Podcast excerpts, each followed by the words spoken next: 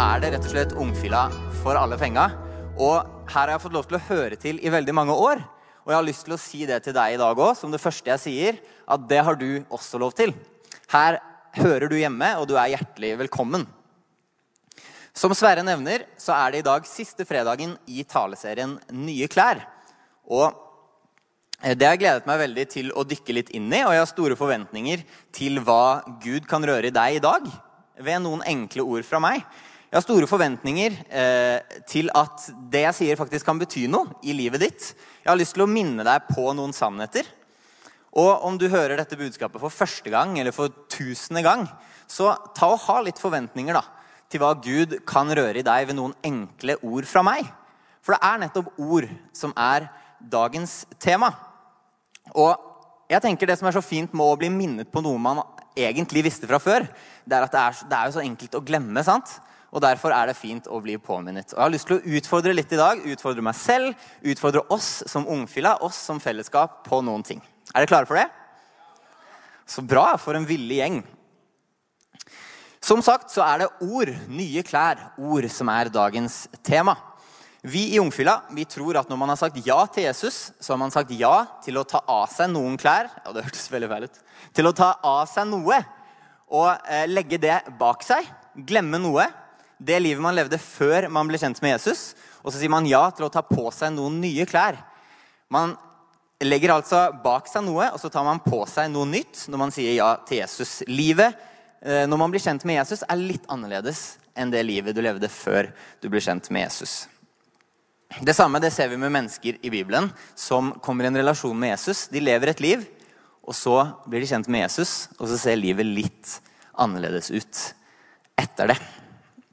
De tre forrige fredagene vi har hatt i denne taleserien, så har vi snakket om hvordan vi kan ikle oss i Kristi tanker, handlinger og kjærlighet. Og i dag er det altså ord. For hva vil det si for ordbruken vår at vi følger Jesus? Bygger ordene dine mennesker opp eller ned? Og har det egentlig noe å si hvordan vi snakker til hverandre? I dag, som alle andre fredager, så etterstreber vi at det som blir sagt, det har utgangspunkt i denne boka her, i Bibelen. Her tror vi at vi lærer om hvem Gud er. Vi tror vi lærer om hvem vi er i Han. Hvordan bli en kristen, hvordan være en kristen, osv. Det er faktisk verdens mest leste bok og vi tror at den er til stor hjelp og trøst for en som tror på Jesus. Og litt sånne kjappe tanker før jeg eh, går i gang inn i teksten. Så kan vi huske på at det her det er faktisk en bok som består av 66 bøker. Det er kanskje ikke noe man tenker på hver dag, men det og det evangeliet og det og det brevet det er separate bøker skrevet av forskjellige mennesker til forskjellige tider på forskjellige steder. Satt sammen til ett bibliotek, Bibelen. Og det er ikke sånn at når Paulus skrev eh, brever for 2000 år siden, så skrev han kapittel 1, vers 1, vers 2. Nei. Dette systemet med kapitler og vers det er også noe som noen mennesker har satt inn i etterkant. Og det kan vi være veldig glad for, fordi det er veldig oversiktlig og enkelt å følge med. Jeg har nevnt Paulus her nå. Det er en mann som het Paulus, som har skrevet store deler av Det nye testamentet. Og han har også skrevet det eh, brevet som vi tar utgangspunkt i i denne taleserien. Det er Kolossebrevet kapittel 3 vi leser fra. Og det heter rett og slett Kolossebrevet fordi det er skrevet til en menighet i Kolossai. Paulus han skrev dette brevet da han satt i fengsel, og kanskje så det litt sånn her ut der han satt og skrev. Han satt i fengsel fordi han annonserte til menneskene rundt seg at Jesus er den oppstandende Guds sønn. Han satt i fengsel fordi han var kristen, rett og slett. Paulus hadde aldri vært i Kolossai. Han hadde aldri møtt menneskene han skrev dette brevet til. Og vanligvis Når Paulus skrev brever rundt om til menigheter, så var det for å oppmuntre og rettlede menigheter han hadde vært med på å stifte. Men det var, det var altså ikke sånn med dette brevet her, for han hadde aldri vært i Kolossai. Det var en av Paulus sine venner som hadde startet denne menigheten. Og denne vennen kom til Paulus i fengselet med gode nyheter, egentlig. Han sa at eh, menigheten var en fin menighet, og den gjorde det bra. Men han hadde også en bekymring, og det var nettopp det at menigheten i Kolossai de var under mye press fra samfunnet rundt. Det var mange ting som tok oppmerksomheten deres, som pekte dem i andre retninger enn Jesus. Og derfor Derfor skriver Paulus dette brevet til den menigheten. Fordi han har lyst til å oppmuntre menigheten til å ta et oppgjør med samfunnet rundt som peker andre veier, og til å gi seg selv helt til et liv sammen med Jesus. Og Man kan jo spørre seg selv da, om dette høres kjent ut. Om, kommer du på der du sitter, et samfunn som peker i andre retninger enn Jesus, og som det kanskje noen ganger er litt vanskelig å tro i? Ja, som eh, rett og slett et samfunn som tar oppmerksomheten bort fra Jesus. Eh, det er jo f.eks. Norge 2020. Eh, så jeg tror at selv om Paulus skrev dette i et fengsel for 2000 år siden, så er det enormt mye vi kan lære også i dag her i Oslo, Oslo i 2020. Som sagt, samfunnet rundt menigheten i Kolossai hadde bidratt til at det var oppstått litt vranglære i kirken. Og Paulus han kjente på behovet av å eh, ha fokus på det som var kjernen, det som faktisk betydde noe. Sånn at menigheten ikke skulle tro på noe som ikke var sant. Derfor, som vi vet, så handler jo eh, det å være en kristen ikke først og fremst om eh, det at man må gjøre masse ting. Det handler ikke om det å vite masse ting, men det handler i stor grad om hvem vi er, det vi sier, det vi gjør, den vi er. Og Derfor eh, så begynner Paulus i kapittel 3 å skrive om det praktiske livet en kristen skal leve. Så bra. Som sagt så innebærer det å tro på Jesus å legge fra seg noe, de tingene som ikke passer seg, i en relasjon med Jesus, og så strekke seg frem mot noe nytt. En ny start. Blanke ark, rett og slett. En start som er preget av betingelsesløs kjærlighet og nåde. La oss dykke inn i dagens tekst, Kolosserne 3, 15 til 17. La Kristi fred råde i hjertet, for til det ble dere kalt da dere ble én kropp, og vær takknemlige. La Kristi ord få rikelig rom hos dere Undervis og rettled hverandre med all visdom. Syng salmer, viser og åndelige sanger til Gud av et takknemlig hjerte. Og la alt dere sier og gjør, skje i Herren Jesu navn, med takk til Gud, vår Far, ved ham. Ja, amen. Enig. Det var én som sa det, i hvert fall. Så bra. Vi kan gå på eh, neste der, ja. Vi tar ett og ett vers vi får oss. La Kristi fred råde i hjertet, for til det ble dere kalt da dere ble én kropp, og vær takknemlige. Hva lar du råde i hjertet ditt, er mitt spørsmål i dag. Hva er det du lar råde eller regjere, styre? Hva er det du gir plass i hjertet ditt? Hvis jeg var en eh, blodcelle i dag og tok meg turen inn i hjertet ditt, hva er det jeg ville sett? Sånn billedlig talt. Har du det sånn at omstendigheter og bekymringer og kaos, usikkerhet, får lov til å råde? Er det det som foregår i hjertet ditt? Eller lar du Guds fred få lov til å fylle hjertet ditt? La Kristi fred råde i hjertet, for til det ble dere kalt da dere ble én kropp, eller én kirke, sagt på en annen måte. Vi som kirke, eller vi som ungfylla, da, vi er faktisk kalt til å la Kristi fred få råde i våre hjerter.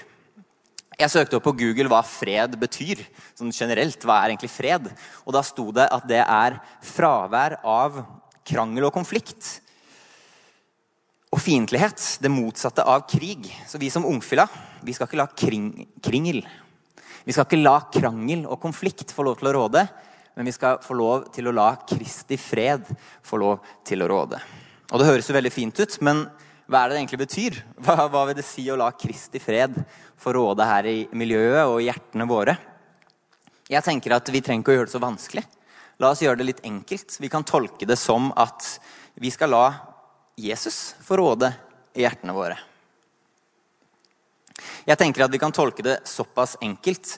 Og Jesus han sa så fint da han var på jorda, at det hjertet flyter over av, det taler munnen. Tenk om hjertene våre kunne flyte over av Kristi fred. Jeg tenker Den, eh, eh, den forskjellen det kunne gjort da, i vennegjengen vår, på skolen vår, på jobben vår, hvor enn vi er, dersom bare Kristi fred lyste av oss.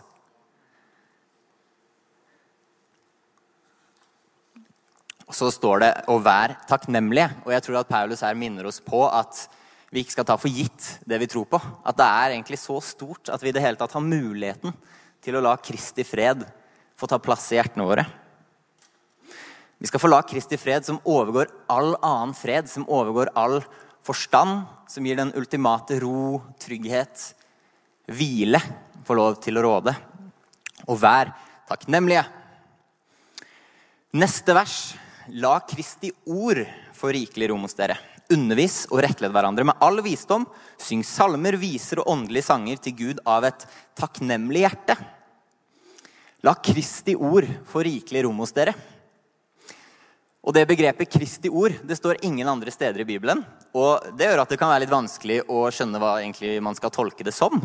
Men jeg tenker at også her så kan vi tolke det som at gi Jesus plass. Gi Jesus rikelig rom i livene deres. Ikke la samfunnets ord få plass, men Kristi ord. La Bibelen få plass i livene deres. Og ikke nok med det, ikke bare gi det plass, men undervis og rettled hverandre med all visdom. Så gå til Bibelen, og det du finner der, undervis hverandre, hjelp hverandre. Vi er et team, vi i Ungfylla. Vi er en familie. Hjelp hverandre og lær av hverandre. Det er sånn jeg leser det, i hvert fall. Syng salmer, viser og åndelige sanger til Gud av et takknemlig hjerte. Og igjen så minner altså Paulus oss på viktigheten av å rette vår takknemlighet til Gud. For det er sånn at ordene dine det betyr så utrolig mye. Har du tenkt på det? Ord er makt. Ord er kraft. Ordene dine betyr noe. Er det noe du skal få med deg i dag, så kanskje er det nettopp det at du skal bli minnet på at shit, det jeg sier, det betyr noe. Det har noe å si for menneskene rundt meg, antageligvis mer enn du tror. Har du noen gang opplevd at det noen sier til deg, det forandrer dagen din? Sånn made my day moment. Jeg har så lyst, jeg selv til å være en sånn person, og at vi som ungdomsarbeid kan være en sånn gjeng som er sånne made my day moments-øyeblikk-folk. Det var et langt ord. Det hadde vært så kult hvis vi kunne være det sammen for menneskene rundt oss. Og så koster det så lite for meg å spre egentlig glede. Si noe fint til noen. Spre et kompliment, en oppmuntring. Men så kan det bety så utrolig mye. da. Jeg har lyst til at vi ikke skal være en sånn gjeng som overtaler oss selv til å ikke gå bort gi et kompliment, fordi eh, det betyr sikkert ingenting. La oss heller flyte over av komplimenter, av oppmuntringer og av gode ord. For hvis ikke du går bort og gir det komplimentet, så kommer ingen andre til å gjøre det. Hadde ikke det vært kult? Sånn som Barbro og Maurit deler. Fordi noen turte, så har det fått bety noe for dem. Seks år senere så sitter Barbro fremdeles med de ordene. Det betyr at det denne læreren sa, det har fått lov til å forandre livet hennes. Så kan vi jo utfordre oss selv på da, om er ordforrådet vårt oppmuntrende. Snakker du mennesker opp eller ned? Hvis du tilbringer en hel dag med en person, er denne personen oppløftet eller ned motsatt av løftet etter den dagen? Nei, Det er spørsmålet mitt i dag. For hvis svaret her er noe vi er usikre på, så tror jeg vi har en lang vei å gå. Vi må vite det faktum at det at vi sier gode ord til hverandre, får nydelige konsekvenser. Så kan også det at vi sprer kvalme og dritt, få mindre heldige konsekvenser. Litt tidligere i dette kapittelet, kapittel 3, så sier Paulus det at stygge ord det skal ikke engang komme over munnen vår. Det utfordrer meg i hvert fall. Men nedsettende prat, baksnakking, banning Dette hører til den kategorien jeg snakket om i stad, som vi legger bak oss når vi går inn i en relasjon med Jesus. Jeg vet ikke om du har tenkt på det, Nå vet jeg ikke hvor mange her som har banning som et naturlig del av sitt ordforråd, men det er så stygt, syns jeg. Ja, det er sånn regel. Hvis du ikke kan si det du har tenkt til å si i et familieselskap med bestemor, så vet du jo selv at det ikke sømmer seg. Hvorfor har du lyst til å spre det rundt i vennegjengen da? Det er en liten sånn oppmuntring til deg i dag. Dropp det. Ordene dine de betyr mye mer enn du tror. Så la oss tenke over det ansvaret vi har for menneskene rundt oss. Og la alt dere sier og gjør, skje i Herren Jesu navn, med takk til Gud, vår Far. Alt vi sier og gjør, la det skje i Jesu navn. Her blir jeg utfordret. Jeg er ikke i nærheten. Er det noen her som er i nærheten, så kan du rekke opp hånda. Det vi sier, gjør, hører på, ser på, det vi fyller oss med, det har mye å si når det kommer, frem, når det kommer til det, hva som kommer ut av oss. Det som går inn, det går ut. Det vi fyller oss med, det er utslagsgivende når det kommer til det som kommer ut av oss òg. Eller som Jesus sa, da. Det hjertet flyter over av, det taler munnen. Og kjenner du at du har en vei å gå her, så fortvil ikke, har jeg lyst til å si i dag. Fordi alle har en vei å gå her. Det er ingen, ingen som klarer å peke på Jesus i alt de sier og gjør og tenker. Det er jo nettopp derfor Jesus kom. Han kom og levde det perfekte livet vi ikke har sjans til å leve. Slik at vi kan ha et forhold til han selv om vi er veldig uperfekte. Sant? Men det betyr ikke at vi skal sette oss i sofaen og ikke prøve. La oss prøve. I 1. Korinterbrev 10 så står det uansett hva vi gjør, så kan vi gjøre alt for Gud. Tenk at det livet vi lever, de ordene vi bruker, det kan føre mennesker nærmere Gud. Menneskene rundt deg leser antageligvis ikke Bibelen, men de leser deg, har du kanskje hørt. Og jeg syns det er litt sånn fin setning. Antageligvis så er du og jeg de eneste menneskene, de eneste nærkontaktene mange rundt deg har med Jesus i løpet av en dag. Og synes det egentlig at vi er kristne? Det har jeg lyst til å utfordre oss på mot slutten i dag. Synes det at du er en kristen? Og dette kan være litt utfordrende, men jeg har lyst til at det skal være litt utfordrende. For tenk hvor sykt stort det er. Tenk hvor stort det er at den vi er for menneskene rundt oss, kan få peke mennesker i retning av Jesus. Og så kan du få et evighetsperspektiv for denne personen.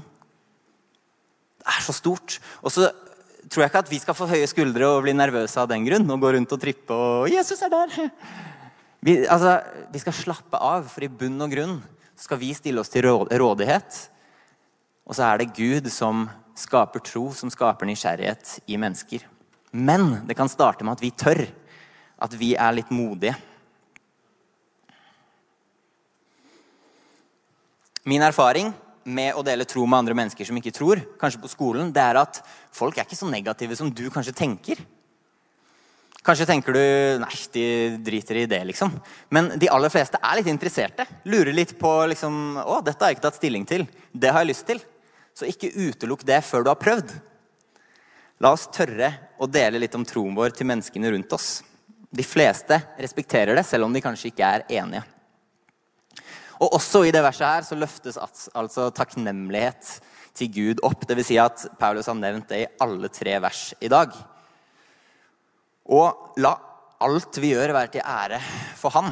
Det er veldig stort. Hvordan skal vi gjøre det? Men jeg tenker at det handler om å ha en takknemlig tilnærming til livet generelt. Til det vi sier og til det vi gjør, og at det er en god start. Paulus sier i et annet brev han skriver.: Takk alltid vår Gud og Far for alt vi gjør i Herren Jesu Kristi navn. Og når vi er inne på temaet takknemlighet, så skal du få et oppdrag av meg i dag. Kan alle si oppdrag? Veldig bra. Dere skal få et oppdrag av meg som jeg selv fikk for noen år siden.